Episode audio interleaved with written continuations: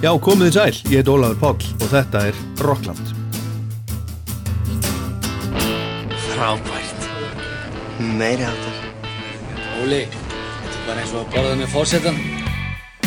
Það er ekki nema sangjant að helmingurinn af andvirði miðana verði greittur aftur. Sangjant er afstætt hugtak, Sigur. Er það ekki sangjant?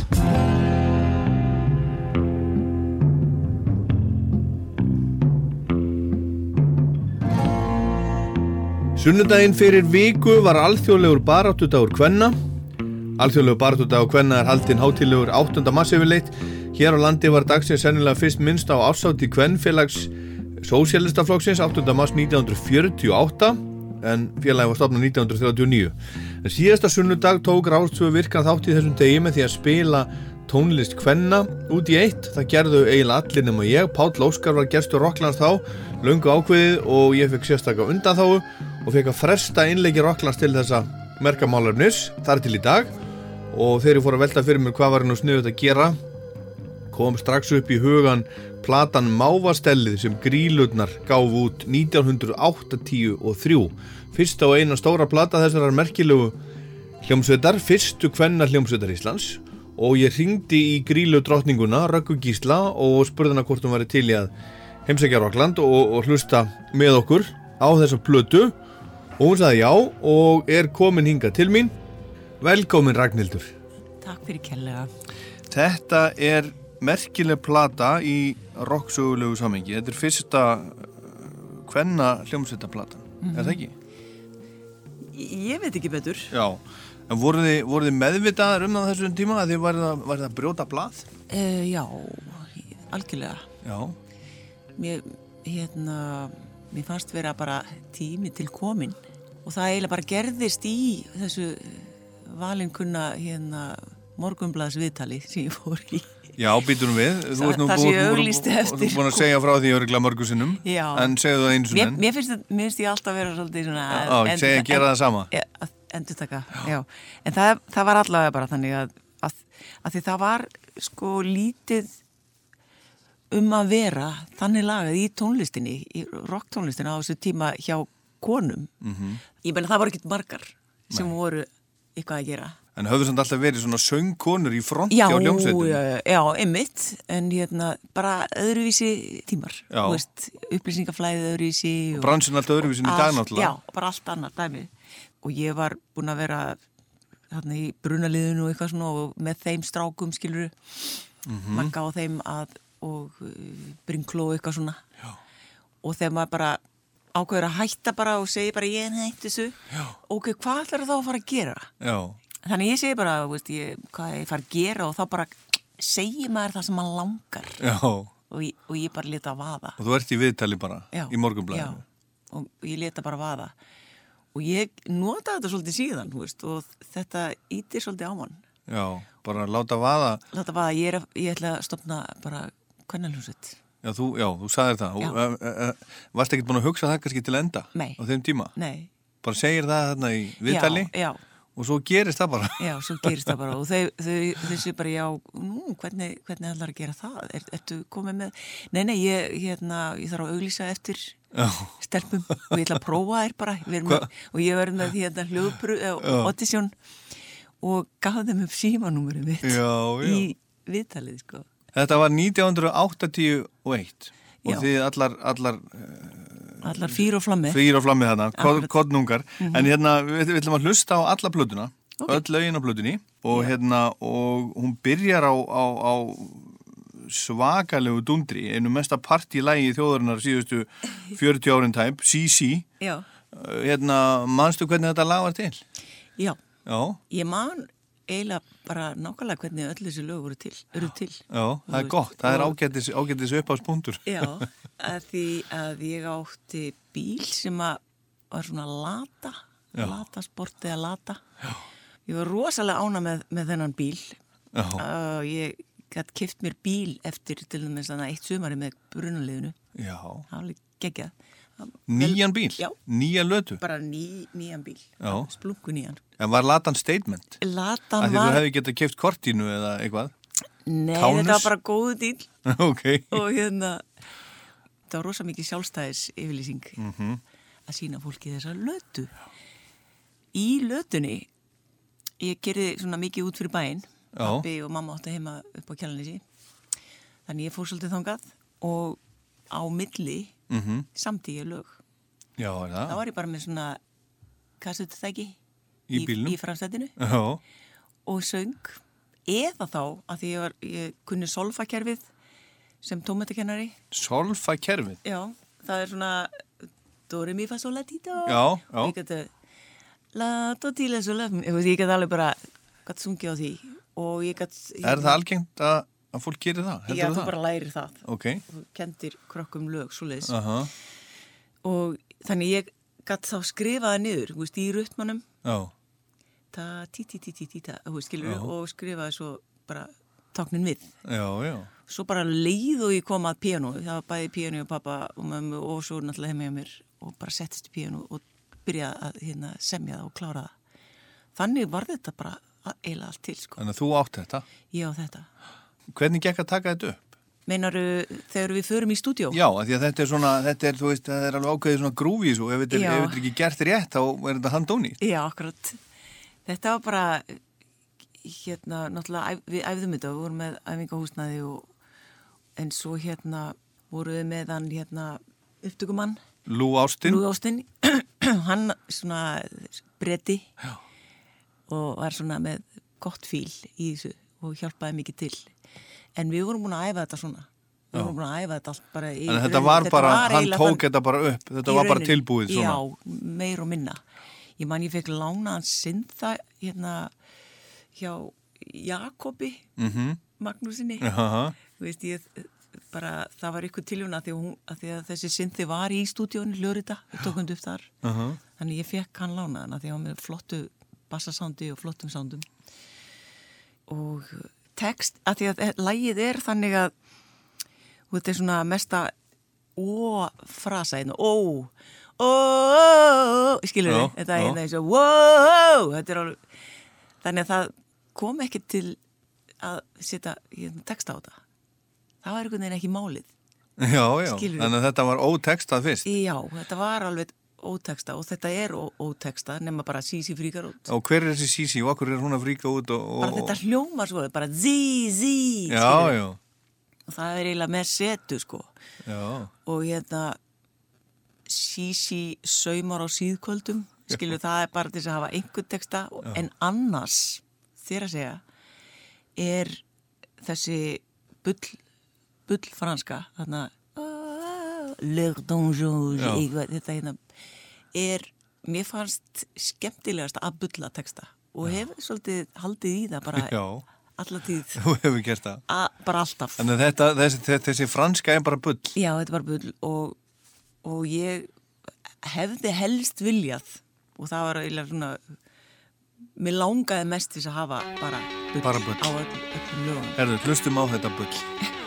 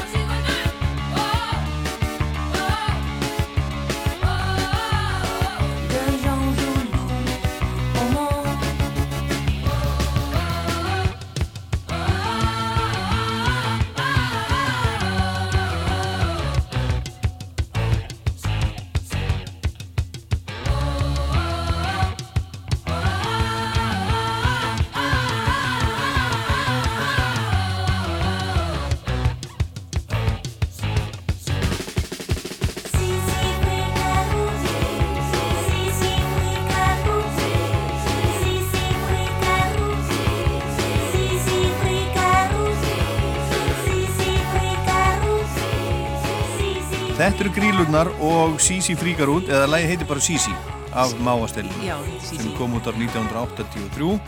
Já, þetta er svona, það er svo margir sem segja Sisi fríkar úti. Það er bara að því að það, það eru bakrættir.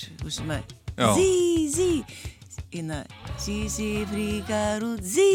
Já. Það halda að margir þetta sé Sisi fríkar úti, eða Já, skilur já, ég skil þig. og þetta er alveg rosalega asnalugur miskilningur Já. veist, og, En þetta var, þessi, þessi texti, eða þetta, þessi, þessi, þessi textarleysa, þetta bull, þetta var til, sko, þetta kemur fyrir, þið syngið þetta, flytið þetta í með alltaf hreinu og þá er það með er- þarna kallpunga, kallpunga texta. já, ég var svona daldið spælt yfir því að þeir svona eiginlega vildu, veist, það var valgir sem vildi setja, veist, við höfum alla fengið nót, bara til þess að búa til einhvers, nota þetta lag, Aha. heldu að það myndi kannski verða læginu til góðs Já. að hafa einhvern svona texta. Greinlega hefur það, sem sagt, væp í söngnum komið yfir að það bara virkar ekki. Já. en hérna virka vel í myndinni En- svona, svona sem, Já, sem atriði sko. virka mjög vel þar en, en, en textin þess- þessi sem er á læginu á plötunni, hann var til áður. Sem Sisi Já, fríkar já, út var til já, áður. já, já. svo var hitt, svo var hann að kallpungatextin settur, já, settur, á. settur bara, bara yfir. Akkurat en, en þetta lag, þetta hefur verið sko á dasgrá stuðmanna áratugum saman. Oft loka lag eða ekki, síðasta lag? í mitt og já, mörgum böndum sko. og En mörgum hljómsveitum sko. og, og, DJ-um eh, allir að spila fyrir þá þá er stuð. Sturt Það er, er- það er ótrúlega, áhrif sem þetta lag hefur. Hver, getur útskýrt af hverju þetta er svona vinsætt að þetta er þetta er bara einhver svona þægilegu frasi og þetta er svo mikið hérna sjátt Allir, Allir einhvern allir dansa og syngja já, með. Sisi fríkar og sí skilur, það er, eitthvað bara svona sjátt í því sem að fólk fær útrás Eitthvað, eitthvað frumstætt. já, gaman Þið voru mikið bara unit á, á þessu tíma. Já, allavega á ferðalögunum, sko. Já, ná, Eins og ná, gengur. náðu þið vel saman. Já, Já. algjörlega. En hljómsveitin var sem til, þú varst að, varst að, að, að tala um það, þú auðlistir í morgunblæðinu Já. í viðtali, Jaha. bara svona, fekk svona flugu í höfuðið. Já, ég var enda aðeins búin að pæla í, sko, veist, að það, það væri gaman að Já. gera eitthvað, sko.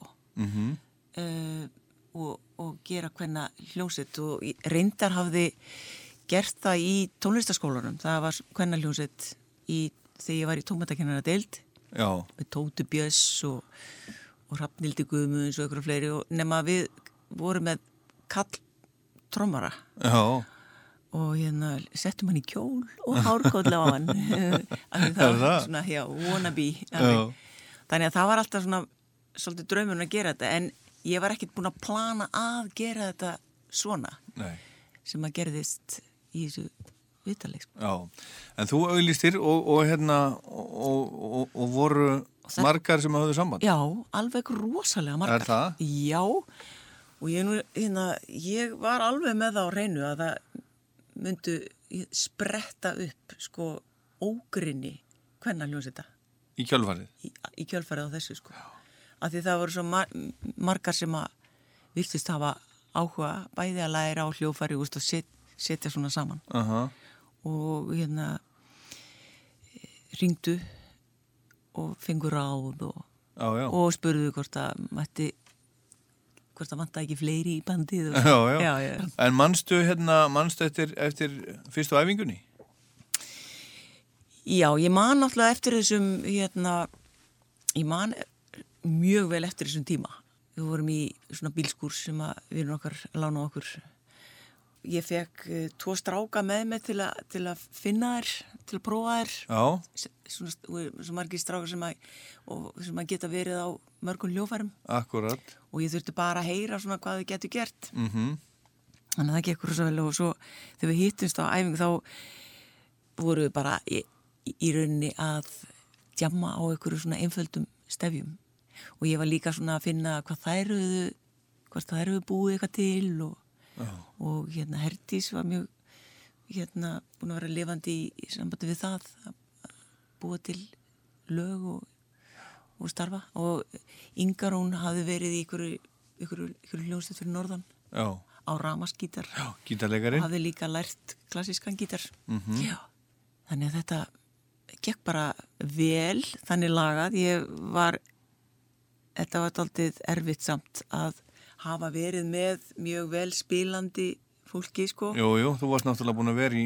bestu böndunum. Já, það, það var daldið erfitt, mann ég, ég tilfinningarlega en ég var svona baráttu axl og mér fannst þetta þess virði að, og ég hafði svo mikla trú að þetta myndi verða ekkert hjá gott. Já, Það sem að ef við hefðum kannski verið með betra sko hljóðkerfi held ég að myndi hafa gengið eh, hraðar fyrir sig.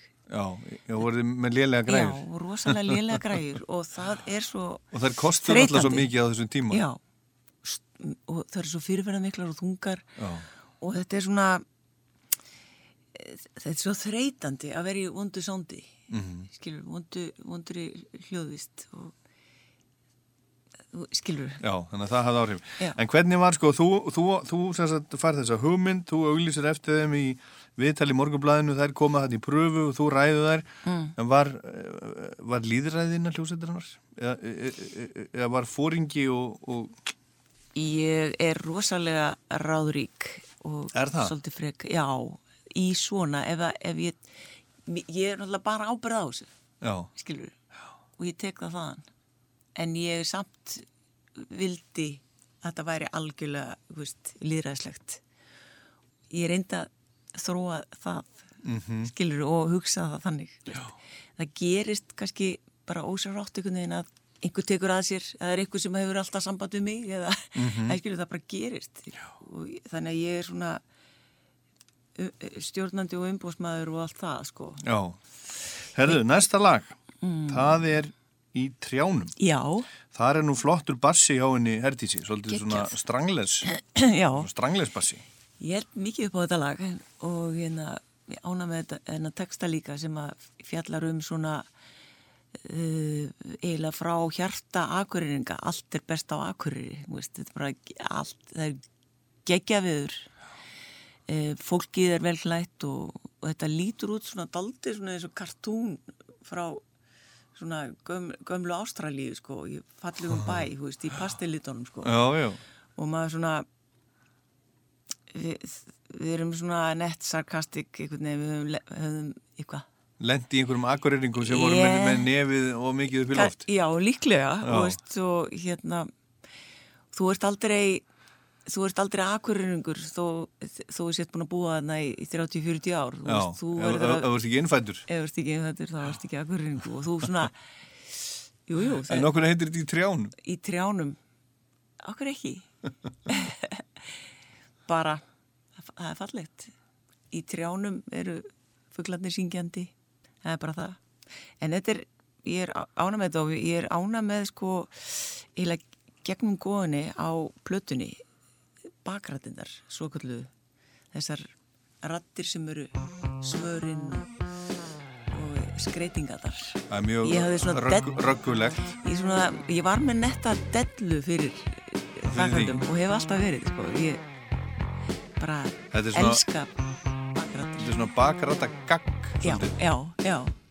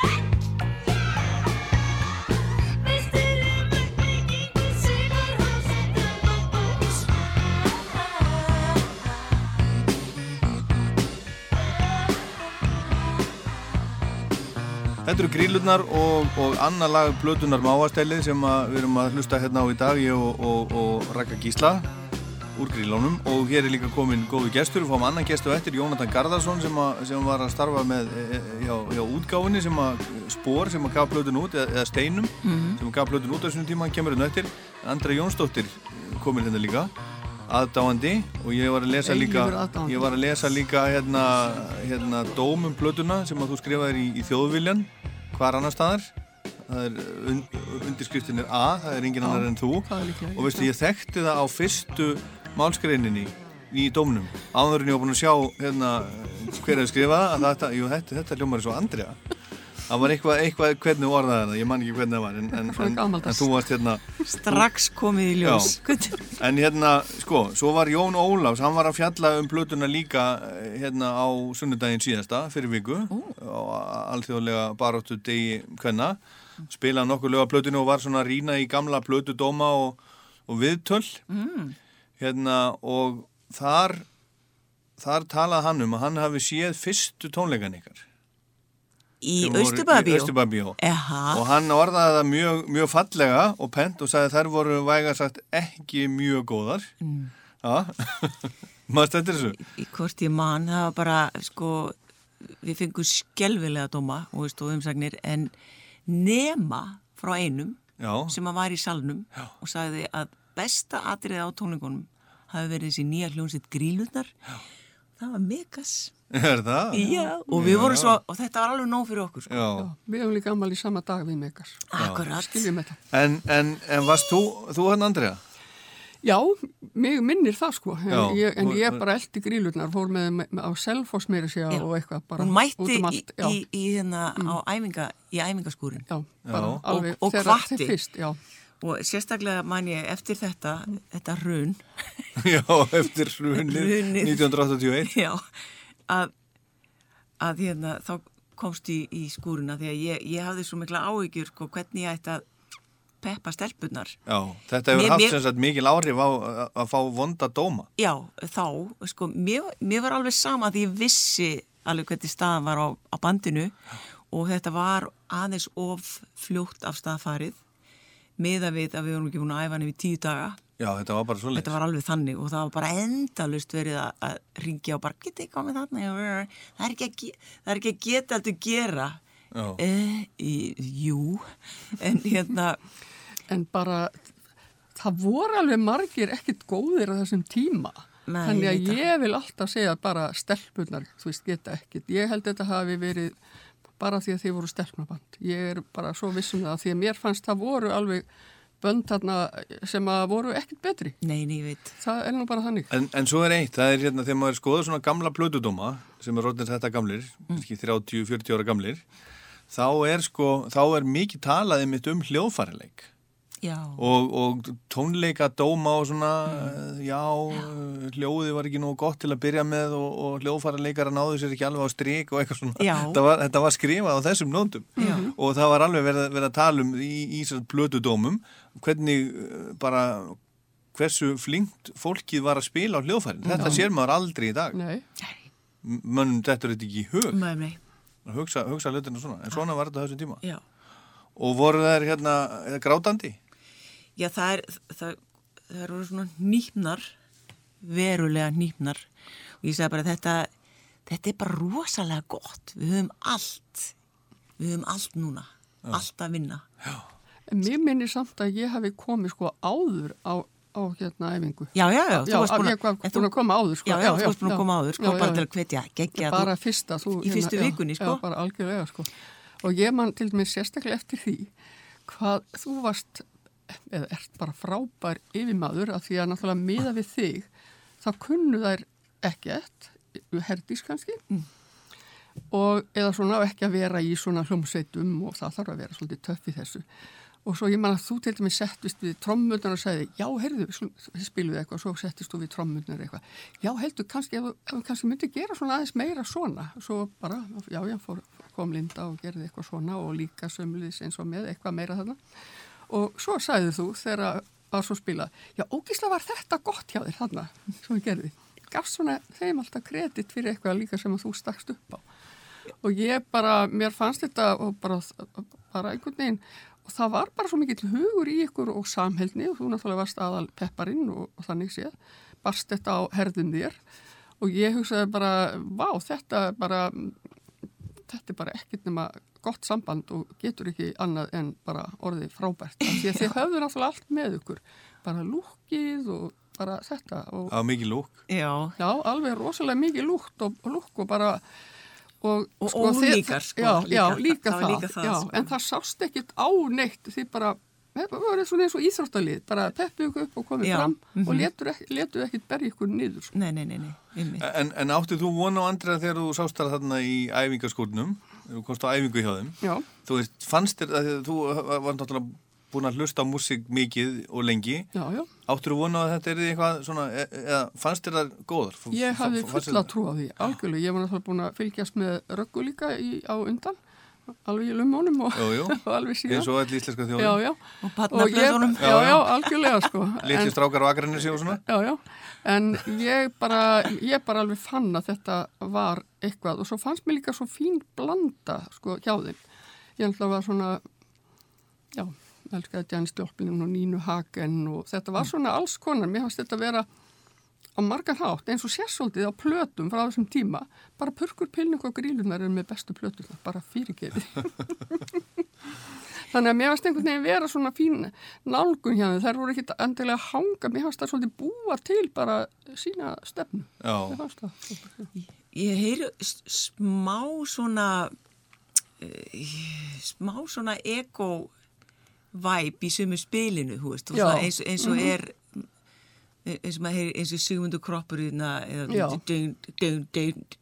hérna spilamennskan sko. Já, Já. akkurat, já. skilur þessi stíl bara á þessum tíma sko. Þú Ég- meinar eins og er á til- í mynd. já, svona, sami, sami upptökustjórin Lou Austin. Já. Hann tók upp ego í mynd þar sem er fjöllin hafa vakað og meskalín og þessi Hvað, lög. hvaða ár var það? það var 8-10, hún kom 8-10-2 maður búin að svona fylgjast með þessum þessum, eh, hvað hva er þetta kallað, ska eða eitthvað sluðis það er ekki aðeins svona já, þessi auðvitað, Já, þetta er svona þessi... þetta er ekki punk sko Nei, Nei. þetta er svona hrærigrautur af þessari Já. eiginlega, svona, Já. sem að kemur svona í kjölfarið Já. á harðasta punkinu, sko. Lituð á ykkur sem, sem New Wave band á þessum tíma? ekki sem neitt Nei. sérstakt sko en hérna Next Wave var einhver sem að kallaði okkur í, í hérna Danmörku á Nor Norrlandatunum Já, já. það. Next Wave Já, Það var- það var- þarna séru þið voru nefnilega bara mjög frumlegar og ekki einhvern veginn að, ekki að, já, mér fannst þið, já, ekki aldrei vera neitt að líka eftir einhver, mér fannst þetta bara vera mjög frumlegur, bara hrærigrautur af ymsu, já, var það alveg. Sástu þar ofta, Andrea? Já, ég sá það alveg oft, sko. við spilum þetta aldrei mikið og fórum við Já, og, og með kom eiginlega bara hverja einustu Ég fór, ég með allavega mannistir og self og svo fór ég líka örglega eitthvað vest, eitthvað, ég veit nú ekki, voruð þið eitthvað í miðgar eða einhvern tímann, Já, eitthvað, já. já, einhver Við þarna, einhver víða. á Vesturlandi Já. þarna, já. Og það var náttúrulega alveg frábælega skemmtilegt að vera í rútunni og svona, sko. Það var bara- Já, þú fórst með, með stelpunum Já, já, já, I'm, já. I'm with the band Yes, yes, yes, yes. Algjörlega, sko. Ég var alveg grúpja og aðdáandi og bara stuðningsmanneskja, alveg. Já. það var alveg hópur sko Já. sem að fyldi Já. og mætti á tónleikana og þessi eins og að kallu böll. Já, að þið heldur bara uppi líka mjög góðu stöði voru með náttúrulega ykkar lög en Mm. svo líka alls konar annar já, svona sem að, já, að bæði bæði gamalt og nýra We Will Rock You eða We já, já, Já, já. Við vorum með það, þá fór ég á trommurnar og Linda fór fram já, já, já, já. akkurat. En Andrea, áður en að við ætlum að, ætlum að eh, sleppa þér hérna út, en, en svona, hvað finnst þér einkenna þessa, þessa plötu, kannski, í loki? sko, mér finnst bara að vera frumlegur og skemmtilegur andi og líka heilmikið músikalitet og og hérna, ég reynda var nú viðstödd allavega einu sinni þegar voru hljó, í hljóðreita sko þegar voru að taka upp sko. Og ég, ég man bara þá svona mér svona, já, ég var svo svo ánað og einhvern veginn stolt af ykkur og bara einmitt að sjá þegar ykkur frá upphafi og þarna hvað þetta var komið langt. Og já, mér finnst þetta frumlegir sko textatnir, það var svona, svona önnur tök sko þar aðeins nýrri sem maður hefði ekki séð áður á íslensku. Mm. Og bara frábælega samin lög og já, bara já, bara veist einhvern veginn vera svona í grílunum svona, mér fannst að vera fortíð, nútíð og framtíð einhvern veginn svona. Og einhvern veginn svo vel nýtt saman. Og þetta lifir alls saman, sumt af þessu lifir ennþá og, og hérna uh, Valur og Jarðaberja maukið hans. Já, fluttuðu það ekki á stöðmannatónleikunum um daginn? Er það, ekki- það er ekki rétt munið hjá mér? Jú, þetta þetta, þetta, þetta er svona blues. þetta er sprelllifandi, þetta er blues eins og þú segir í læginu, þetta er blues Já, en, en, þeir, en akkur heitir þetta Valur og Jarðaberja maukið hans og, og, og, og, og Við- hérna við ákváðum bara að það myndi heita bara eitthvað annað heldur en það fjallaði um sko, okkur fannst það bara, þetta er bara eitthvað svona flip. ég bara eins og var svona Já, partur af ykkur svolítið bara já. Það, hérna, Og hérna, þeir gerðu þetta, þennan texta hérna, Ævar og uh, Kristján Edelstein. Edelstein, ég geði hennar texta og uh, uh, þetta er bara blues og hver býr til blues en, en hérna það er bara svoleiðis Já. þannig að þeir, eh, þetta er þeirra uh, sem við gerðum að okkar og enginn hefur gefið þetta út annar, er það? Nei, Nei ekki svo við þetta vitum. er fyrst með ykkur bara, já, já, já, já. Þegar hann er til svæðis þá fíla ég mig alveg sjúklega vel. Ég finn kikkið og allt verður æðislega hefi. Ég reyna að fríka út en ég meika það ekki því hann er svo meiri háttar. Þegar ég fer að bömmir Þá verður hann svo speysaður Ég meik ekki sens. Ég kvart á búsið. Og allt verður gjössamlega glatað. Ég reyna að akta kúl En ég meika það ekki Því hann er svo meiri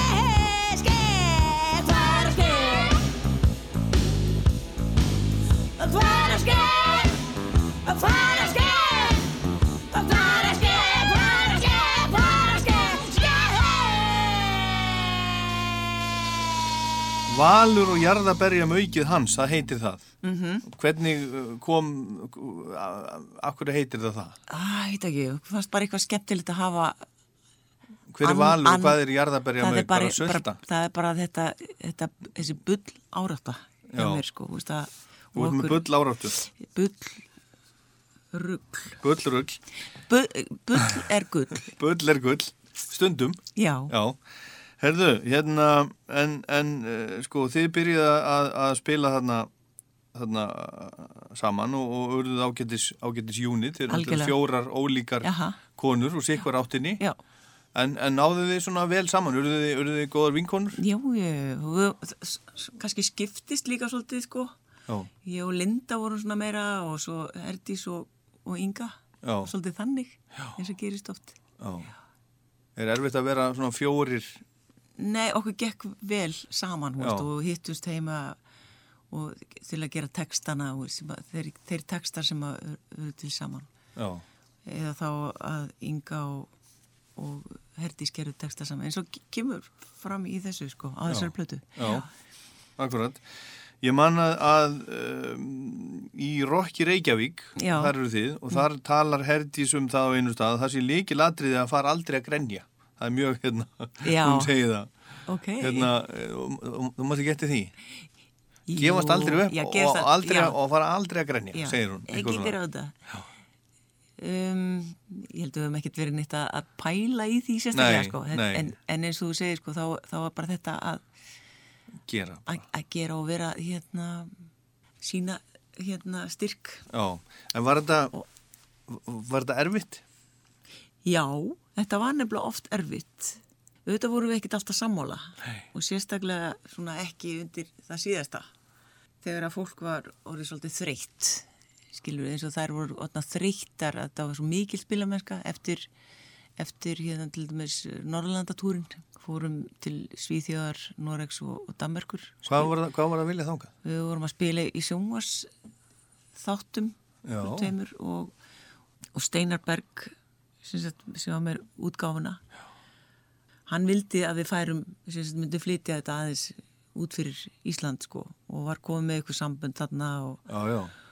og uh, ég meina það hefur verið auðvelt að gera það ef þú tekið kannski mána pásu eftir hennar túr sem var hansi erfur og það reynir svakalega mikið á hljómsveitir að vera í svona miklu návi lengi Aha. við vondar aðstæður veist, að skrölda í einhverju einhverju viðbjöðslegri rútu skilur þetta er það er bara Ertu að menna á Íslandi þá eða... bara allstað, sérstaklega, sérstaklega í útlöndum. Það er langar keislur Já. og þetta er það sem að sko, skemmir bönd. Já.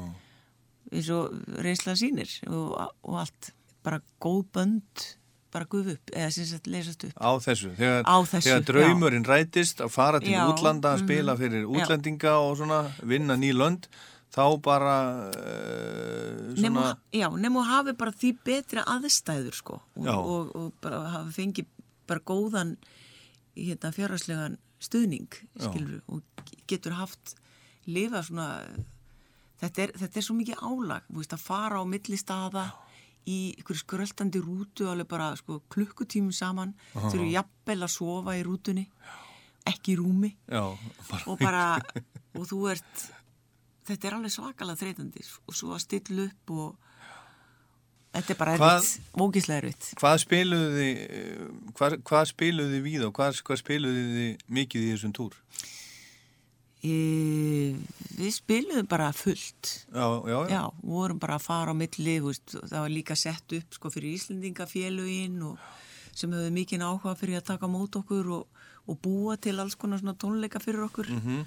og svo í einhvern sjónvast þáttum í Svíþjóð og í Danmarku uh, Mondagsbörsen eitthvað og Þetta var nefnilega svolítið magnað á, þetta var svo mikið á jæðrinu með það Já. og ég, ég man hvað ég var rosalega spælt yfir að bandi hætti. Já. að það- að treysti sér ekki í Já, fle- fleiri, fleiri sigra.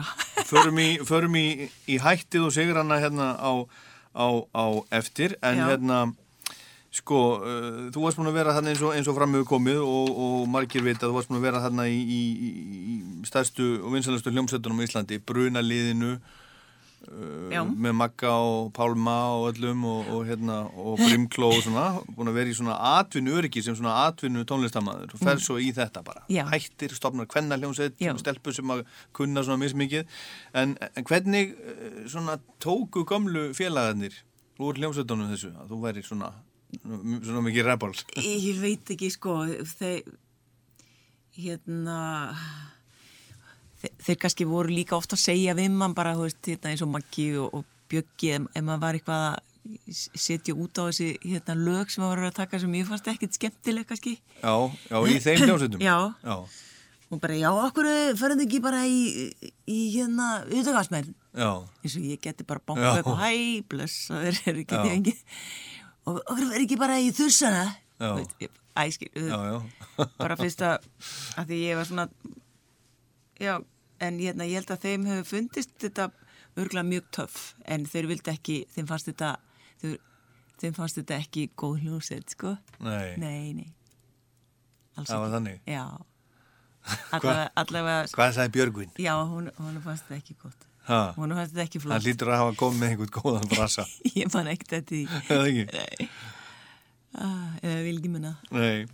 Heyrðu, hérna, upptökustjórin, Lú Ástin. já, hann var Hann- rosalegur Já, segjum frá honum. Hann var, ég var að, var að hlusta á Bubba hérna að tala um hann um daginn. Hann, hann gerði hérna svona hlaðvarpstætti fyrir fréttablaða sem hann var að tala til þessum ego-plötunar. Já. Lú Ástin gerði setni ego-plötuna sem kom úr 1980 og, og 2. Ego í mynd sem er alveg frábær plata og frábært sound á henni Já. og hann á örgulega helling í því þessi, þessi maður. Hún Já. soundar öðruvísi heldur en allar aðra plötur sem verið teknar upp í hljóðrita.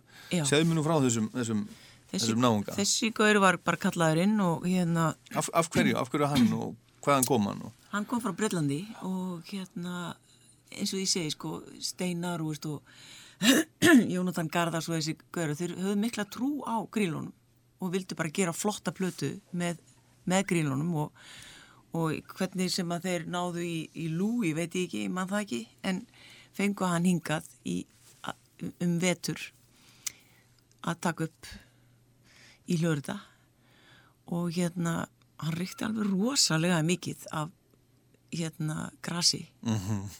eitthvað svona sem að inn í stúdíói? inn í stúdíónu bara inn í bara stjórnklefanum Já. og bara á hverjum einasta degi og ég hef aldrei séð svona stór þetta var bara Jamaica Já, já. nullar sem að var að reykja þarna og hann var alltaf hress, alveg Já. ríkalegu stuði Já, í bara- stuði, í stuði. Í stuði, í stuði, sko, og var á svona Subaru, hérna, fjórhjóla, nei, hérna, drif á fjórum Já, og kerði í sköflónum bara, Subaru Station. já. og hérna, þetta var svona oftast bara ég og hann einhvern veginn að fara þetta yfir ef það var, var verið að mixa og eitthvað svona. Nefnum við förum til Breitlands og erum í húsi Ringo Starr í stúdíónu þar niðri að mixa blötuna, það þar. Og það var ekkert lát á hérna, reykingunum þar, þar sem að þeir voru í miklu sambandi Louis og Svonur Ringo, hvað heit hann? Zack. Zack, já. já, það? Frábær trommari. Frábært trómari. Með og þeir- Oasis og Who Já, og fleirum. Já, og þeir skiptust á svona hérna stuði. Já, það? Já, já. var, Þannig að þetta var sem bara heim, heima hjá Ringo já, niður í kjallara, í stúdíónu hjá honum, og var Ringo heima. íðulega. Já, Ég, heimsáttin ykkur eitthvað? nei, hann gerir það ekki. Nei, Hún fannst þetta ekki, held ég, mjög merkilegt. ekkert spennandi. Nei, en hann sendi svon sinn niður Já, að fá, fá hluta af þessu er þessu grasi sem að Já, Lúi já. var með og hún fannst Já, það já. bara mjög spennandi Mjög spennandi Já, gras. já. en, en, en þú Raka, hérna, reykti þú, þú, þú mikið grasi? ég reykti ekki neitt mér Er finnst þetta ég sko mér svona klýjar við svona lyktin af þessu Er ég hef aldrei heppin með það maður náttúrulega reyndi veist, sérstaklega áður eða veist, ég hérna í hérna eins og með brunalöfum ég, ég, ég man ég prófaði og mér fannst þetta, ég bara, mér finnst það agalegt sko. Er það? Já, mér finnst það agalegt. Alveg glata. Já, og mér finnst fólk yfirleitt leiðinlegt eftir að búa að fá sér. Já, Þú veist, það fór svona inn í sig og mér finnst það alveg skelvileg alltaf í ykkur Missir- leið og fólk var búið að fá sér Já. að reykja þetta, þá bara dattniður allt. missir aðeins snerpuna. Þess vegna segir sko, ég veit ekki af hverju Lúi var alltaf svona res. Nei, það er magnað. Já, þetta er bara greinlega eins og, eins og ofvirkir fari á, á hérna, Já, þannig að hann gerði, þetta gerði hann hressan já, bara. gerði hann bara rosa hressa. Já, já. En hvað hérna, sko, er eitthvað, er eitthvað svona einkennandi fyrir hann sem, að, sem að hann gerði fyrir, fyrir blöðuna? Já, hann bara, hann svona, hann gerði bara meiri djús á sándin, sko. Já, Og líka að hann hafði ekki mikið, hann hafði ekkert með útsetningarnar að gera. nei, Nei, heldur bara að stjórn Þú varst með það? Já, ég, við vorum alveg samtaka með, með svona já, þetta allt saman. Ég var náttúrulega að því ég var að syngja þetta mest allt og hérna en hann hérna hann gatt, veist, eins og bara producent sagt bara já, tökum þetta aftur það getur verið bara að sagða okkur til með Já. það með, var hann gæði. gó, gó, góður í þessu hlutverki Já. að svona haldi utan um Já. ykkur og svona, svona stýra þessu já, svolítið? já, virkilega skemmtilegur og kall. já, hann var mjög skemmtilegur og góðu kall og hérna og og honum fannst þetta skemmtilegt og það er það sem gerði veist, hann hafði mikla trú á okkur fannst þetta skemmtilegt band Já. fannst þetta flott músík Hann var búinn að gera ekoplötuna þarna, alveg regla. Hún kom út nefnilega 82. mm, Ykkur kemur 83. En þarna var hann búinn að vera að vinna til dæmis með Judas Priest. ok, Og já, fleirum? já, Þannig að hann kom svona úr svona, svona the, the, the new wave of British heavy metal. já, Hefur þið heyrt í honum eitthvað síðan? nei, Ekki neitt. nei En skal ég segja þér, uh, skulum heyra næsta lag. Og næsta lag er svolítið, uh, svolítið skrítið, spila hratt, stutt lag og spila hratt. Betri er limur en limlestir. Hvað er að gera, hvað er að gera stanna? þetta er, þetta er tilraun til að búa til nýja málshætti punktur Pundur. Já, og þeir eru bara, bara þokkalega góðir held ég. Eldist vel. Já, það verður kannski sniðut að hérna, tala við, tala við á hann í Sirius og Nova. Já. Þetta segir rosalega mikið.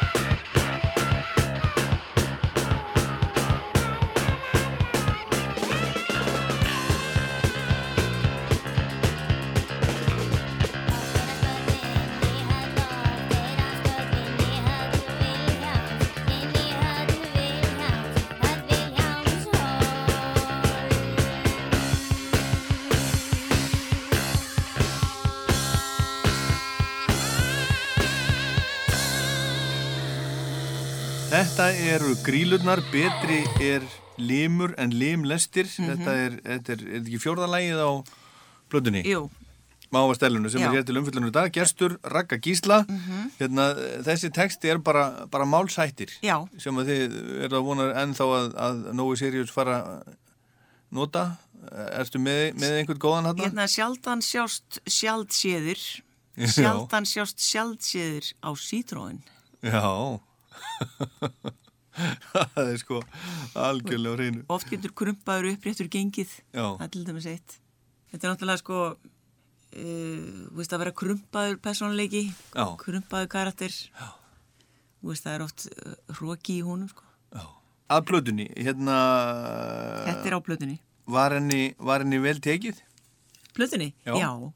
Henni var vel tekið. Já, hún, hún seldist, seldist vel Já, og er uh, ef að kemur inn plata, þetta er náttúrulega orðið já. óséð var e, eiginlega. Og í og í Lucky, Records fáðu stundum inn veist hérna vínil Já, og hún fyrir út um leið. Og, og, og hvað er, er gangverð á henni? ég veit ekki. Það var hérna það var, ég hitti bara mann í gær sem að sagðist að vera að selja hérna lifur með trúbrott já, átt orginal eindök af henni og hvað sagði hann að hann hefði farið á? 40.000 já það er ekki Þannig að neitt þetta, þetta getur, þetta, það eru verðmæti, það eru verðmæti í vínilnum. já, Já. En hérna, og, og, og þetta var náttúrulega þeim tíma sem það komu plötudómar, það voru plötudómar í blöðum og Andrea Jóns, hún, hún skrifaði einn, ég mm. vorum, að, vorum að tala um það hérna á, hún var, hún var mjög ánað.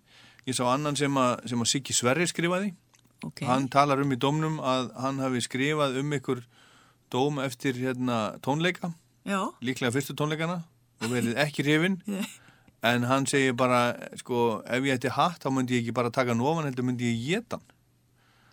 Því að þið voru orðnar, var, orðnar svo góðar. Það var talað um og það var talað um í dómum á þessum tíma að þú veist, þú veist, hljómsveit, ef hún bætti sig einhvern veginn, þá var talað alveg um það. Já, Já. hljómsveitin orðin svo miklu betur en hún var. já, Þetta sér maður ekki í dag. nei, að sé fylst með framförum. Æ, ég veit ekki, það er, kannski er allt bara svona, svona geggjað í dag, Já, kannski er, en kannski er samfélagið svona meðvirt, ég veit það ekki. þetta er líka orðið sko bara öðruvísi væp á plötunum, þú veist, öðruvísi það verið að þetta það er ekkit já, þetta er bara öðruvísi stíl Já. Já. Þú menna sé auðveldara í dag að gera Nei. góða blötu ef maður er lélur? kannski, kannski getur hún sánd, sándað vel, Já. skilur það því að það er kannski ykkur annar en artistinn að, að spila hana eða prógramera En þið spilið allt þarna sjálfar? allt sjálfar já. Þetta er við erum, fellega- ekki, við erum ekki með klikkdrakka Nei, þetta er nefnilega fellega uh, svona góður fílingur á þessu. Þetta Já. er vel, vel gert, vel spilað og Þetta er vel spilað. Ég, ég er alveg sammála þetta er góð plata. Já, Ha. þetta er hérna, þakkaði fyrir að segja það. Ég, ég er alveg, sko, maður er svolítið hissað maður, þegar maður fer tilbaka hvað, það- hvað þeim fór og okkur fór rosalega mikið fram Mhm. á stuttum tíma. Þetta er svo stuttum tími sem að gríldan er til. Já, Já. þetta er bara Við gerum 81. óslega mikið á þessum stuttum tíma. Já, já, Og það var náttúrulega eins og með þáttuk okkar í, í hérna með allt á hreinu, það breytti líka miklu sambandi við svo margt að hvernig hérna hvað við fengum aðegli og já, þið fengur náttúrulega svaka já. Hún, hún kemur út 82, er það ekki? já, Þannig að þið stopnir hljómsveitina, já, svo ákveða stöðmenn að gera þessa mynd. Já. Við höldum áfram með Röggu Gísla og gríluplötuna mávastellið hérna rétt á eftir. Hi, this is Mark from Ice, and you're listening to Radio 2. Áfram höldum við með Rockland, gerstu þáttarins er Ragnhildur Gísladóttir og við erum að tala um plötuna Mávastellið sem kom út 1983. Þannig að þið stopnir hljómsveitina, svo ákveða stöðmenn að gera þessa mynd. Já. Ef að hefði vanta grílutnar í þessa mynd, þá hefði ekki verið neinn mynd, vegna þess að myndin fjallar um þessi, þessa tókstreitu og Já. milli þessara tveggja hljómsveita. já Þetta er svolítið magnað. þetta er svolítið magna og það er oft sko sem að er svolítið talað um sko já að grílutar náðu sínum vinsaldum sko út af þessu og það er alveg rétt en Já. stuðminn náttúrulega náðu líka sínum, Já, já. sínum Það hefði ekki verið neinn mynd á, án ykkar. Það hefði verið einhver allt önnur mynd. allt önnum mynd Hún fjallar beinilins um Já. stöðmenn og grílunar. já, já. þetta gleymist oft Já, það gleymist, það gleymist Mikið. margt, það gleymist margt. En hérna, næsta lag sem við viljum að heyra, Já. það heitir Lilja Laufi Þórisdóttir. já, Hvernig stendur á því? Lilja Lauf, Lilja Laufi Þórsdóttir hún, Þórsdóttir. Það- já, þetta er þetta er svolítið hérna skemmtilegt lag, finnst mér og flottu texti Ingar hún, hérna Pálma gítarleikarinn, sk- skrifaði þennan texta og þetta fjallar um sko bara móðurinn er að segja dóttur sinni til, sem kemur of seint heim og, og bara reynda að haga er almennlega stelpa Þú veist, svona, svona högu við okkur ekki við stúlkunnar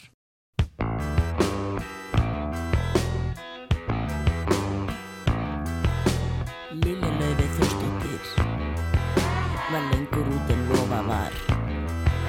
Hún hjælt mér í sér andanum og lættist inn í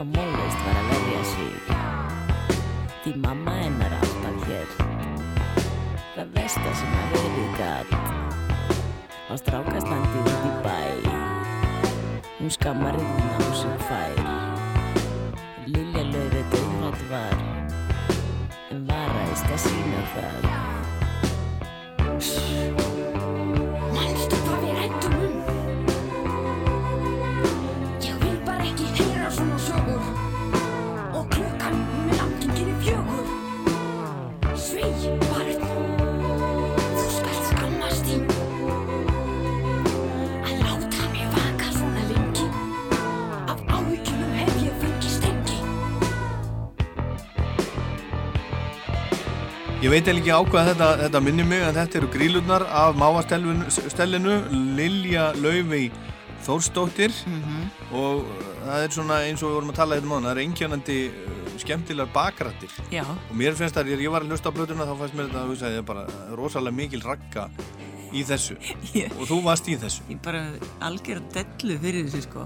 Já, og hérna já, mér finnst það skemmtilegt. Þetta, þetta, þetta ef maður vil svona koma yfir væpinu, þú veist í fí- fílingnum í þessu sarkastik hugsun. Aha.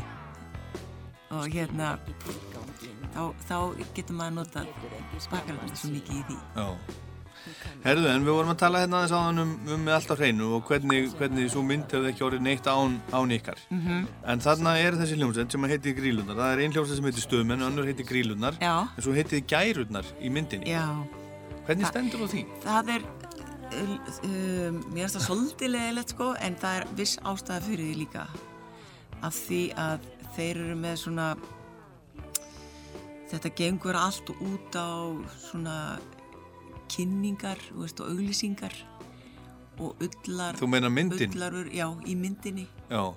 veist, en mér fannst alltaf svolítið leiðilegt að við þyrftum að breytum nafn Þú meinar þetta var sponsored by Álafoss? Og þess vegna hétt þetta, já, hétt þetta Gærurnar? Já, gærurnar. Er það málið? Og harpasjöfn og gefjuniðun. Og, Veistu það, ég sá þessa myndir hún á splunkunni, ekki kvarlaði slíkt að mér. Nei, nei. Og örgulega ekki að neinum. Nei. Þannig að þetta var svona, Já. þetta heitir product placement, þegar menn, menn setja, þú veist, ef einhver er að drekka Coca-Cola, skilur Já. einhverju bíómynd, þá er Já. Coca-Cola búið að borga forma og peningu fyrir það.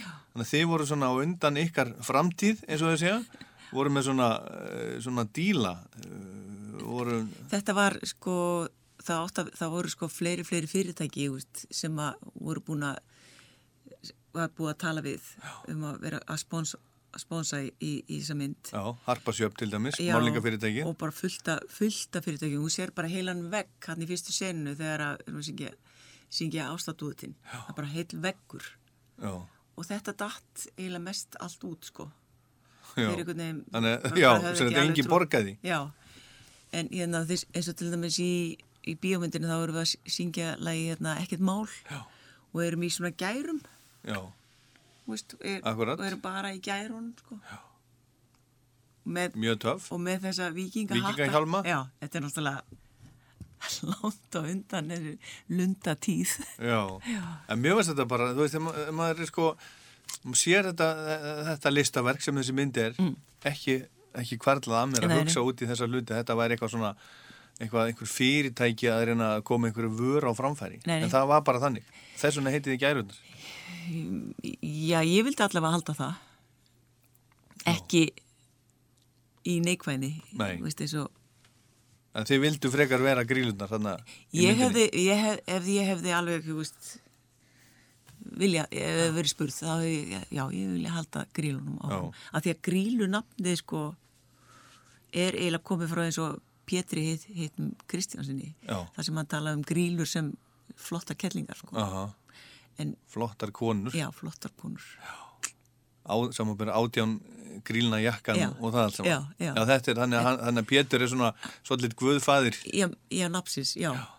Það má segja það sko, mér finnst það mjög töff og svo er líka að ef það heitir grílunar þá hefur maður líka meira frelsi einhvern veginn að líta út Mm nákvæmlega eins og við ekkert eitthvað babydoll eða, Nei, eða dúkulísur Nei, eða skilur, já. það er eins og, eins og það kallir svolítið á að, að þú sért í því væpi sko. Aha, en grílunar whatever, Já. getur gert hvað sem þú vilt. Akkurat. ykkur dein Já.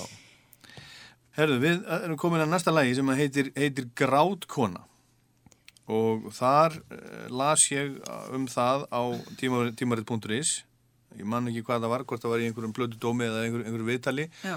að það var í hérna, fjallað um konur sem að, sem að sætta sig ekki við að eldast. Já, og, og er hrættar við, við að sjáist á þeim hrökkur akkurat. Var, þetta er svolítið stílinn sko, hú veist e, e, eins og þú ert og hvít e, grátkonan og bara Grátkonan er konan sem, sem, sem vill ekki, ekki verða Já, sem vill ekki, vill ekki eldast. Og, og, og fer í lítið aðgerð Já. og hérna, eins í hérna þú ert á hvít, þú bara skiptur um allt. Og, og þá kemur akkurat hérna uh, til mó, á, á móti hérna, þið verður all þið verður all deyja hérna, og bubba, hérna, það er alveg tryggt að engin okkar deyr Já, segja grílunar sko. Já, í hvaða þú- í hérna eins og þú ert á hvít. Já, já, það kemur En, rætti og, og í grátkonunni sko, þá er þá er hún líka að tala um sko að hún þurfi bara að halda sínu striki og já, þetta er svona þessi rukkurhæðsla sko. Að þú sérst ekki nógu góð og sérst ekki, sérst ekki í lægi ef þú, ef þú hérna eldist. Já, þannig að við erum svona daldið eins og hefur alltaf verið hjá konum meira en köllum að hérna útliti skiptir svo miklu máli að þú sést alltaf síung og sæt. Já, þú ert nú svoleiðis. Þú ert, hérna- nú, ert nú alltaf svona síjung Ert þú með hrökkurhæðslu? Nei, ég, ég er ekki með rukkur hræðslu sko. En hérna en þe- hérna, þetta fjallar svo mikið um að því það hefur alltaf verið í umræðinni Já, og bara, þú veist, á um, um miðja síðustuöld sko, bí, þegar bíómyndinar eru, þá er bara sett ykkur hérna ólja eða já eða so, soft focus. soft focus á, á linsuna skiljur bara þannig að þú lítir alltaf vel út og það er bara styrni á þig og þetta er, af hverju er þetta komið til? Já, það er það er náttúrulega sarkastik hérna hugsunin er að þóknast kallmönnunum sko. Að þeir séu alltaf síðust, bara haltu kjaftu og ertu sætt já, það er svona þetta væp svolítið sem að grílutnar eru að, að grínast með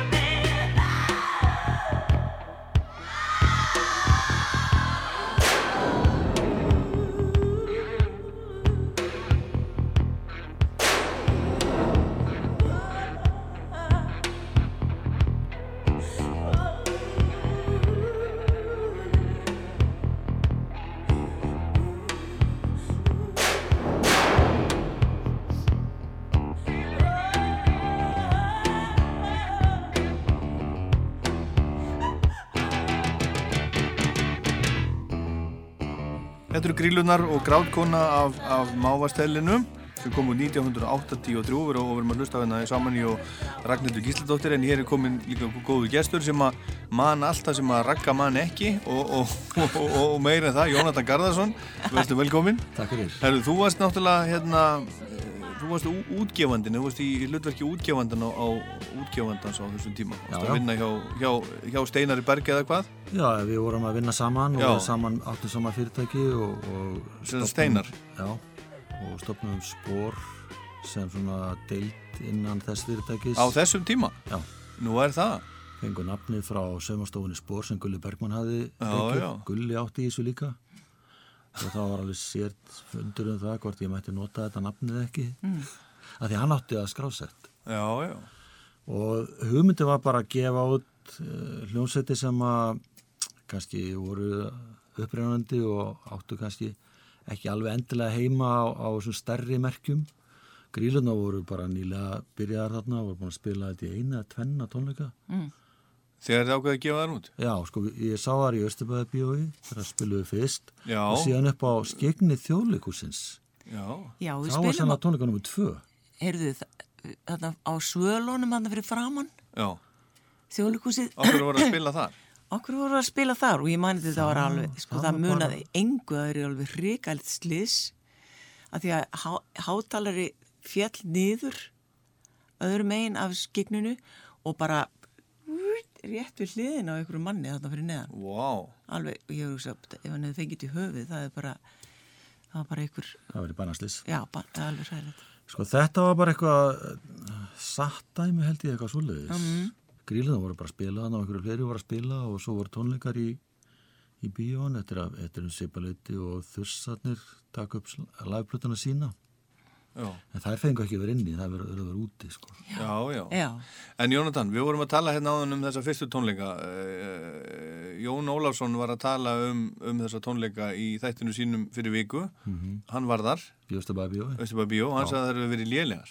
Eða hann orðaði einhvern svona pent. Það voru bara að byrja, ég með þú fyrstu tónleikandi, það voru alveg dröllu stressaðar, ég maður vissi það alveg, það fór ekkert að milli mála og stelpuð sem hafðu kannski aldrei komið fram sumar í þessu bandi, menna Linda hafði ekkert spilað á trommur ofinbilla Ei, Já.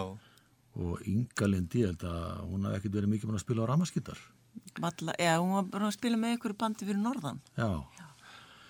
Það, þetta var ekkert rosalega þétt en þetta var, þetta var satt Já, kvöld þú- og þú- það voru, það voru hljómsveitir, allavega hljómsveitir sem koma þetta fram Já. Sumar að koma fram í fyrsta sinn og sumar voru að spila í annað, En fymta þe- Þetta var sem sagt satt sem var samtök Tónskáld og tónskald og textahöfunda sem var Já. stóð þessu Jói sem er G. í rauninni sama apparati og bjóð til músiktilraunir Já, og Þannig að eftir bara- verið til upp á þessu Já. þetta er Jói G. sem að stendur fyrir þessu og hann vildi gefa hljómsveitum tækifæri sem átti ekki sens annars Merkilegur Það var búið að maður. loka öll böll í skólum framhaldsskólum einhverju þetta vegna og það var ekkert auðvelt að koma að stað neinstaðar. Nei. þannig að Jói fekk þess að frábæri hugmynd að opna tónabæ. Hann fær það reyndar eftir þetta. Satt var með, var með svona kvöld í klubnum og bíóinu og hér og þar sko. Bara allstað sem þetta að tróða fólki að. Fram að því voru samkomur. Samuel var með svona kvöld þar sem að hljómsætti sem voru nýjar og efnilegar komið fram og, Já. og mendjömmuð og allavega hana Já, já. þannig að þetta var svolítið framald af því En þú sást gríluna þarna og, Já, já. og þú, þú varst það hrifin að þeim að þú, þú vildir eh, gefa þær út. Mér fannst þetta bara æðislega framtak. Og ég kom þess að hugmyndi steinas og, og við rættum þetta bara saman og ákvæðum bara að búa til nýtt merki til þess að þérna, sponsora ungar efnilega hljósetir. Svo gáði ekkit rosalega mikið út. eh, Það seldist frekar lítið á þessum tíma. Það var eitthvað lægði í plötusölu. Þannig að spór fór aðalega að búa til sapplötur Já. og gerði mikið af því. Beint í mark og það saman. Já, við bara, bara fundum við sapplötuna. Já, já. En, en, en sko gríluplatan, hún fór, fór uh, á einhverju tímabúndi allavega í fyrsta sæti á íslenska vinsildalistunum. Þessi fjárala, er þetta að menna... Nei, stóra platan. Já, já, ég meina, sko, þá eru þær búin að vera í gangi alveg í, í tvö ár og búin að koma fram í bíómynd og orðnar heimsfrægur á Íslandi. Já. Það voru hundrað þúsund manns búin að sjá þær í bíó. Já. Já. það var ekki smáraði. Nei. Og þegar það gera þessa plötu máastæli þá fáum við þarna frábæran upptökustjóra frá Breitlandi sem hafði unni með Eko líka Já, já.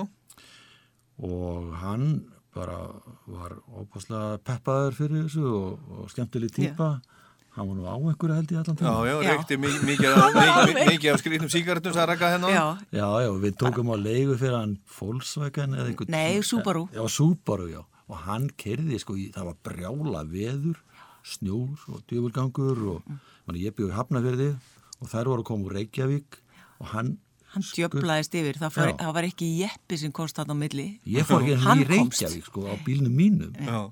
Þannig að en ég kom upp í stúdíu og þá voru það bara mættar Alltaf glan tíu. Með honum á já. Náða hann í ykkur? Hann bara náði í okkur. Já, Af Því já. að við, þú veist, ég komst ekki á lötunni þannig í... Nei. Ég var á Ford Escort sem var afturhjóladrifin og komst ekki neitt Nei. Hann, hann þeyttist í gegnum skablana. Já, hún fannst ekkit mál. En það var Subaru náttúrulega í, í, í, þegar ég fikk bílbróð þá áttu mamma og pappi Subaru, Subaru Station. Þetta fór yfir allt. Af því að hann var líka fram... Hann var framfjóladrifin, já, Já. Og hann sem var ekkert mjög algengt á þenn tíma. Nei, nei, og það var sko Arnarneshæðin var alltaf teft það var alltaf eitthvað við sem það Já, já. hann fór í gegnum þetta allt saman. Já. Hvernig var þér við þegar að gríluta síðan hættu? Sko ég get alveg sagt það að, að ég var svo ánægð með grílunar að ég fekk næst í sko, sö- sömu viðbröð í líkamann og þegar bítlarnir hættu ég bara, ég var svo sorgmættur Þegar það hættu? Já, mér finnst þetta alveg rosalega erfitt Ég Þetta var næst í band- taugaáfall, Þetta var sko. band sem var á sko góðri leið og það er, menna, það var fullt að liði fara að senda okkur hérna, fyrirspyrnir um bandi og við vildum fá þar til að túra í Fraklandi og víðar í Evrópu og, og gera nýja plötu og allt þetta. Og ég hétt bara í alvöru að þarna væri bara næsta stóra atriði frá Íslandi á leiðinni út. Og það var svo sem engin annar búin að meika það þá. nei, nei, nei. þannig að ég bara var alveg handu Hefði ekki orðið fyrsta stóra bandið frá Íslandi? handu sem að það myndi gerast. Þannig að þetta var, þetta var mjög mikið áfall ég er enda búin að ná mig núna Náðu núna, gott en þetta rifjast allt upp Takkaði fyrir þitt innlegg, Jónatan Ég- Garðarsson Hérna, Raka, næsta Mm. lag heitir Sigmundur Kroppur Já, sko Sigmundur er eiginlega, hérna, þetta er fadir Sigurgis Sigmundssonar gítarleikara. Þannig kemur nafnið á læginu. Já, já. já. En svo er kannski textin ekkit endilega um hann, Nei. en, en svona, hérna, þetta Var svona- hann kroppur? Þetta var svona, við hefum aldrei síðan, sko. Aldrei síðan? Nei, okkur varst það bara hljóma mjög vel, sko, Sigmundur kroppur, þú veist, ég veit ekki, þetta er bara bull, eins og ég er að tala um, allt. Þetta er bara bull já. Heyrum þetta Já.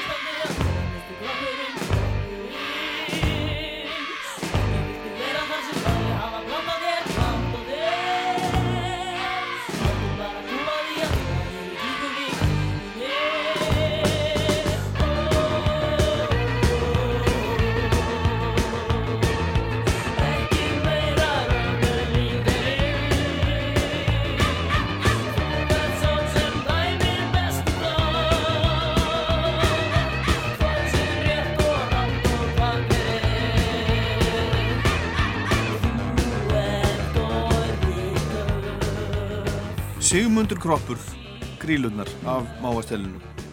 Þú varst að, varst að tala og rakka þetta á þann að, að þetta væri, væri pappi Sigmund, þetta séu ekki Sigmundsson.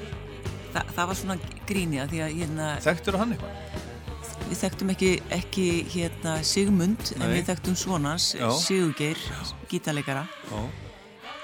sem er hérna tengdafæðir Jóhannu Guðrúnar Mhm. hérna söngunu Mhm. hann var sagt í hljónsett sem mann ekki hvað heitir Start. Start alltaf ekki og hann var rótari hjá okkur Nú er og, hljó, það og, hljó, líka. og hljómaður Já, er það? hann Sigurgeir og uh, Eirikur Haugsson með honum Já, þeir rótuðu fyrir grildar? Já, já, og hérna en okkur fannst bara hljóma svo vel sko, Sigmundur Sigmundur var svona skemmtilegt nafn og Sigmundur Kroppur þessi texti fjallar um þessi þessi hérna lau, hjá fólki að vilja vera vinsælt vera töff vera ná sér í hérna vinsaldir og, og, aðtigli Já. þetta er, pældi, ég, þetta er svo langt síðan. Í dag gengur þetta bara allt út á þetta Já. Sam, já, sam, hérna, áhrif á valda og, Áhrifavalda og, veist, og og samfélagsmiðlum. já, og þannig er það bara, veist, hvernig gerur þetta Já. þú, þú þurft að leika eitthvað annað en þig til þess að veist, til þess að vera ykkur hetja Já. og hérna þannig að við settum þetta þetta væri bara ykkur sigmundur kroppur Já. en hérna, það er bara heitið Þannig að þið tóku bara, bara nafnið á pappan Sigurgeirs Já. Sem þið hafi aldrei séð Já, fannst það bara svona, fannst það bara, bara svona, svona passa að væri Sigmundur Kropp Já, talandum bull. Já, talandum bull. Talandum bull. Þannig að þetta er bara sagt, um, um þetta reynda að vera töff og Já. síndu öðrum blöff er í textanum sko. Herðu, næsta lag. Hérna, Já. það heitir Þú ert of hvít. Við vorum nú aðeins að Já, þetta er tala um svolítið, þetta er svolítið, grátkonan, eh, Sigmundur Kroppur, þú og hvít, þú veist, þetta er, þetta er svona, þessi ímyndar eh, og allt þetta þú veist, og þykjast að vera eitthvað annað en þú ert og þú þurfur að hafa þetta aldrei mikið fyrir því að spasla og breyta og, og hérna, til þess að vera, vera í rauninni flott, skilur þetta gengur það. Þú ert of hvít, þú ert að fara í, í brungu og þú ert að með öllum þessum breytingu sko að strekja húðina og, og, og andlitið hverfur í rauninni sko. Vo- personleikin fer Þarna voru náttúrulega sko sólbástofunar Já, já. að rýsa upp er það ekki er þetta ekki, er þetta ekki svolítið upphafið á, á sólbástofunum Jú, þetta er svolítið mikið það var mjög 80s svo að fara að kaupa sér tíu tíma kort á sólbástofu já, já, já, og líka bara að fara í strekkingu veist, og. Og bara breyta um lukki og þetta er bara, virðist vera bara lífið veist, og við erum svona daldið að gaggrina þetta með, með þessu. Mhm. okkur fannst þetta hlægilegt. Og, og, og við segjum sko í þessum texta það er alveg tryggt að ekkert okkar deyr í dag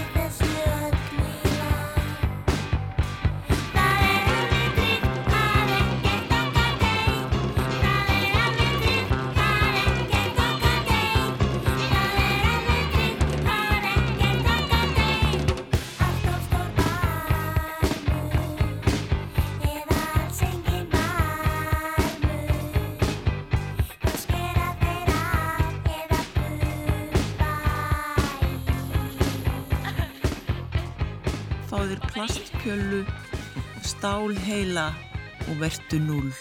Já, það er, þú ert á, á kvín. Fóru grílandar einhvern tíman í, í ljós?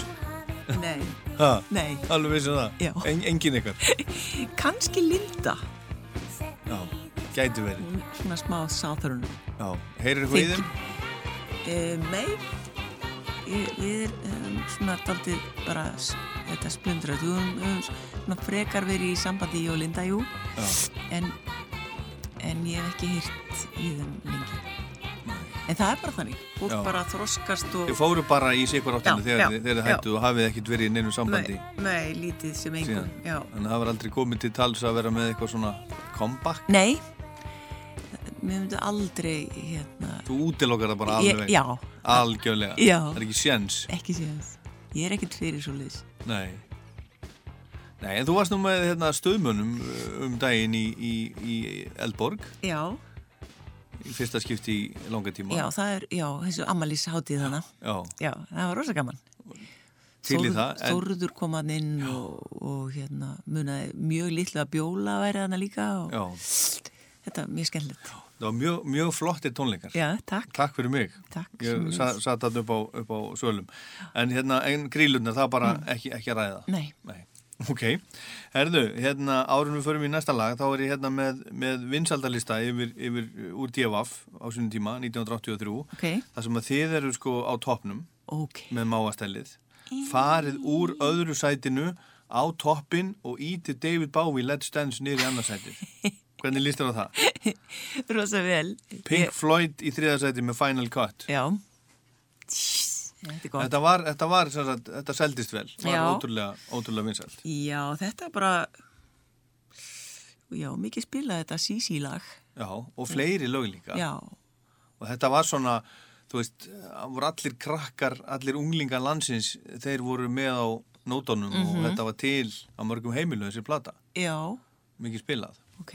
Og kannski sérstaklega, ég held að sko, ég held að sérstaklega hafi, sko, strákarnir fíluð þetta alveg líka, en Já. ég held að stelpunar hafi verið svona, tekið þetta meira upp á, upp á sína arma. Já, ég held að þessi líka, það, það, það, þetta var bara sá tími, sko, og veist að konundum voru aðeins að rísa upp. Og hérna, þetta var hjá mér allavega, veist, líka þetta hvenna baróta, veist, kom okkur á kort. Já, ekki bara sem svona söngkonur Mhm. þú veist, ég Ragnhildur Gísldóttir tónlistakona en ekki bara Ragnhildur Gísldóttir söngkona já, Skilurðu? það skiptiði máli. það skipti rosa miklu máli og hérna að ég væri að semja og konur væri að semja músík og væri að spila og, og væri eh, hérna lita á það sem sjálfsagan hlut og líka væru að þessu á þeirra fórsendum og ég var alltaf að vona að þær faru líka í eins og útgáfu og svona af því ég veit að ef að þær myndu hérna fara í blötu veist, og fara í svona business með þetta á svona í, tæki svolítið þann pól veist, Konur almennt, já, konur, já, konur. að stjórna stjórna fyrirtæki, útgáfu fyrirtæki og tónlistar fyrirtæki, Mhm. útgáfu þá myndi þá myndu konundar eflast Já. og, þá myndi þær koma með tónlist og, og vera með útgáfa á þeirra fórsendum það er í staðin fyrir að vera alltaf að fara í fótspor kalla, auðvitað læra þær þar fullt. Og takk fyrir strákar. En, en, en að fara fara þetta á sínum fórsendum þegar að það gerist þegar þær verða með útgáfuna þegar þær fara að stjórna businessnum í kringum þetta þá þurfa þær ekkert að fara í ljósa lampana skilur svo kallað skilur þá þurfa þær ekkert að fara í í breytingar og vera eitthvað annað heldur en þær eru út af því að þær eru á sínum eigin fórsendum þannig brey, mun þetta breytast. Það er alltaf okkur er svona fáar konur í, í tónlist. Ég var spurt bara síðast hérna 2018 þarna á kostninga árun hérna amalinu að því það er ekkert svo rosalega margar en þeim er að fjölga rosalega að fjölga mikið rosa mikið rosa og akkurat mikið. í öllu þessu Já. sem umbóðsmenn, Já. útgefendur, vinna hjá blödu fyrirtækjum. já, já, hljóðmenn, rótarar, já, þetta var pælingin þá þá. þú. Þú varst bara frumkvöðulega minn, þú voru bara að sætta það við það. Herðu, næsta lag heitir Djásni mitt. já, Hvað er að gerast þar? djásni mitt það er bara þessi talandi um þessi eh, hérna hvað strákarnir eru, þú veist, ó, þú ert svo frábær þú ert, Er þetta sem strákurinn að tala við þig? nei, Einhver- nei ég, eh, þú veist, við þessi konur að tala við stráka bara, þú veist, í staði fyrir að segja bara, ó, þú ert alltaf að tala um hvað ég sé, þú veist Æ, æ, veit hvernig það var, þetta er bara svona baráttu lag í rauninni, bara á sarkastik máta, sko. Eina ferðina enn, alltaf í sambandi útliti, sko. Og þetta kemur líka bara í stíl við það þegar að, þegar að við strákunum svo, okkur eru svona, okkur eru svona asnalegar, okkur eru svona ljótum fötum, okkur eru svona, okkur eru málið ykkur svona bjánulega, okkur eru hárið okkur, alltaf einhvern veginn að setja svona út á okkur, bara, bara upp í nasitar á okkur, sko, Já, já. Þannig að það var alltaf bara, hérna, seg- hérna, við bara bregðumst þannig við, alltaf, ef þetta er sagt við bara, ég trú ekki finnst þér hárið á mér astnalett. Ég tók þrjá klukkutími í þetta, að Já. gera þetta. Býtu, finnst þér, ég er búin að hafa svo mikið fyrir að, að gera mig sæt og fína fyrir kvöldið. Er- Ertu ekki að fíla þetta? Já. Og þá breytist það, Já. viðhorfið. Bara getur að vera og hafi rétt fyrir þér. Skilur, ertu, ertu að meina það sem hún segir við mig? Finnst þér rétt að, segja þetta? Djásni mitt. Djásni mitt.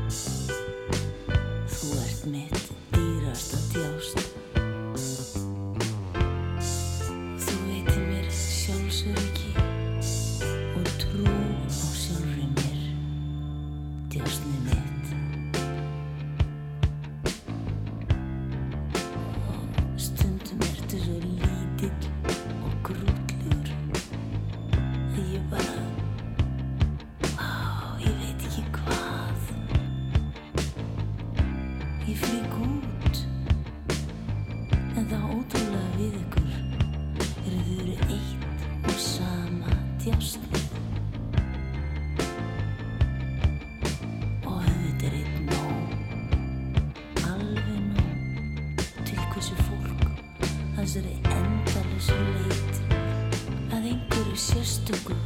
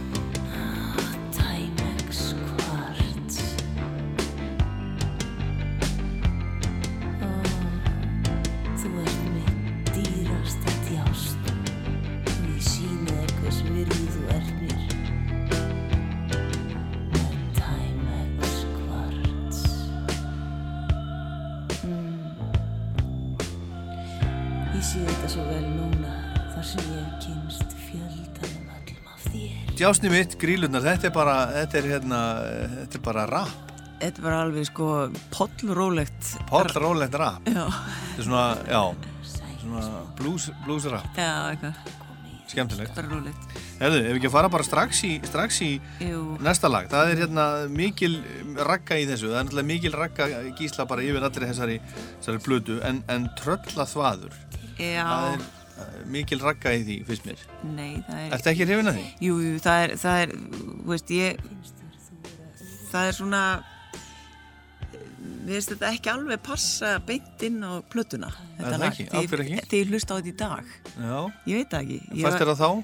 Eh, Já, mér fannst það ekki, mér fannst það aldrei vera svona, þetta er náttúrulega alveg uppáhalds sumra, sko. Já, Mér fannst það, mér fannst það ekki alveg passa inn í þetta væp, sko. ekki þá heldur? Nei, ekki alveg. Af hverju, af hverju ekki? Uh, Grílunar og trölla þvaður? Já, já, Finnst það er eiginlega bara út af, út af nafninu tröllaþaður og grílur sem að það kannski ég, ég veit ekki það, þetta er bara svona skilur sumir þegar maður gerir plötur þá hérna er alltaf svona þá er alltaf og, og, og það er fleiri en einn sem gerir plötuna sko Mhm. ef það er hljómsið þá þarf það alltaf að vera með kompromí líka þú þarf að vera með svona þú, þú, ert ekki hérna, hrifin á öllum, öllum lögunum Nei, nei. og það er þess að kalla svona hvað er að kalla bélög eða ekki bélög, ég er ekki að segja þetta sem bélag beint, Já. þetta er flott lag og allt það, en stílinn er ekki alveg Þú veist ekki hrifin af þessu? Ef ekki að heyra þetta bara? Lustum. Trúir þá tröndrund og tröllin. Eða hurðu heilt í þeim kollin Tröndrund og tröllin í fjöllum Þú þekkir þau víða af kollum Ég hittist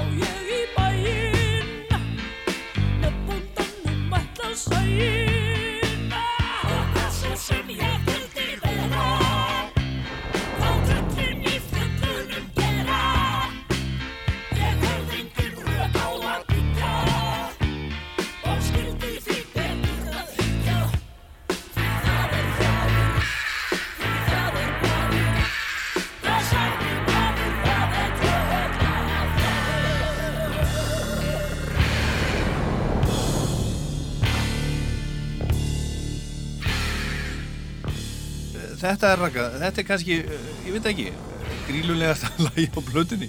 En þú ert, þú ert ekki nú að hrifin af þessu? Ég, mér finnst þetta, hefði átt að vera bara á kannski ykkur svona barnaplötu, ég hef gert nokkra barnaplötu, ég Já. gerði tröllaplötu, þú veist, barnaplötu Já.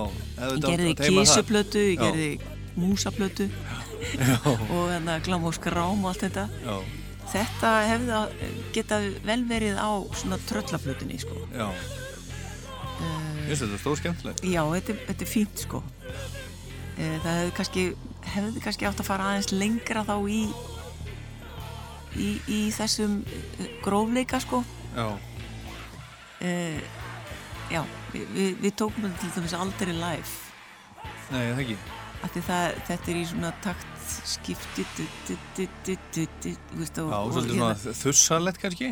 Já, þetta er svolítið þar grílunar eru ekki þussar sko veist, en, en það var kannski með virðingu fyrir þussum sem að þetta lag Já. er þarna blötunni, getur verið Já. veit ekki, Nei, þetta er, þetta er smá svona barnablötu lag Mhm. En hérna, en hvað með, hvað með næsta lag? Það er líka svolítið sérstætt. Það er alveg- Lalli leifur og laumi á Vínurskjöra áti 1969. Já, þetta Hvað- er bara svona, svona milli spil í raunni sko ding, ding, ding, ding, ding, ding. Þetta, þetta er svona eins og og uh, þá erum við komin í næsta, næsta þátt Já. æskilur, þetta er svolítið Svona- það er eins og bara eins og sé að skipta yfir bara í nýtt lag eða æfætturu, nýjan kapla og þetta er bara, þetta er bara bull. Bara bull. Og þetta er bara instrumental. Og að því að þetta er svo lítið lag og hérna, lítið og ég get ekki sagt að neitt að þessu sé ómerkilegt en, en þetta er, er pingu póns og bara þá var það að heita stórnafni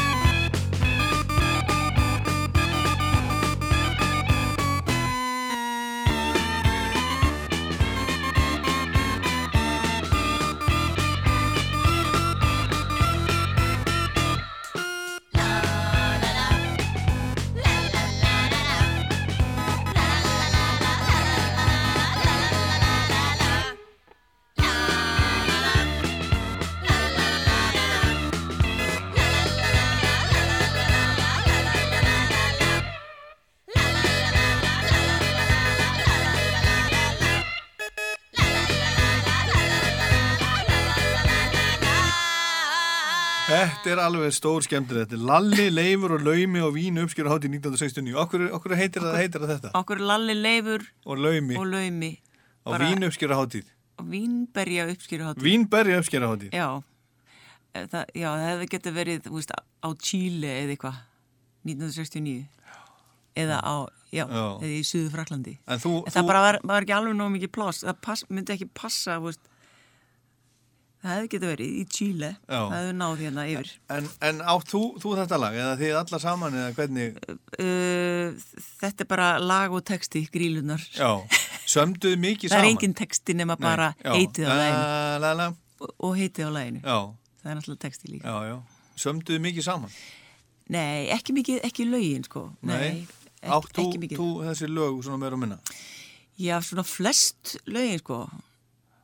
Já sem að urðu til í lötunni Já, og Á Kjalarnesinu? Já, á, upp, á, upp í oftast á milli sko Mósfellsveitar og Reykjavíkur og ég man eftir já, er það? eins og Sísi var til þannig á Korpúlstöðum Já, er það? Já, Manstu það bara? ég man það, ég man það eins og gerist í og ég, ég man, en ég man hvernig til dæmis ekkert mál sem er ekki á þessari blötu Aha. náttúrulega, sem er í stuðmara myndinni það var til bara í, í á Mánagötu þar sem ég bjó.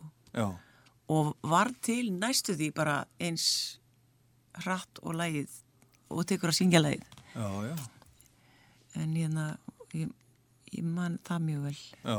og öll þessi sigmundu kroppur og allt þetta. Þú manst þetta allt saman bara, bara mjög vel. En svo er komið að því sko að, að hérna, eh, já þið stofnir hljómsveitina þið gefa út litlu plötuna, eru því með alltaf hreinu gefa út þessa plötu og eru þarna að reyna fyrir ykkur í útlöndum og svona svo bara, svo var þetta bara svo var þetta bara búið, svo er þetta bara búið svo, hæ, svo hætti þið bara Já.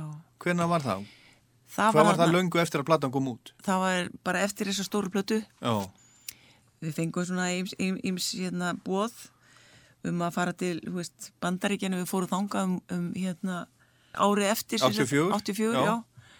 Og eiginlega bara um vorið eftir þetta þá bara þá var þetta bara búið. þá var þetta bara búið og hérna fólk treysti sér ekki í að vera lengur. Þið treystið ykkur ekki til þess að halda ég halda treysti mig til þess, jú, ég var alveg í rosa stuði að halda Já, áfram og ég fekk já. svona bara, þetta tók mjög á mig sko að, að þurfa að að sleppa þessu, þessu bandi.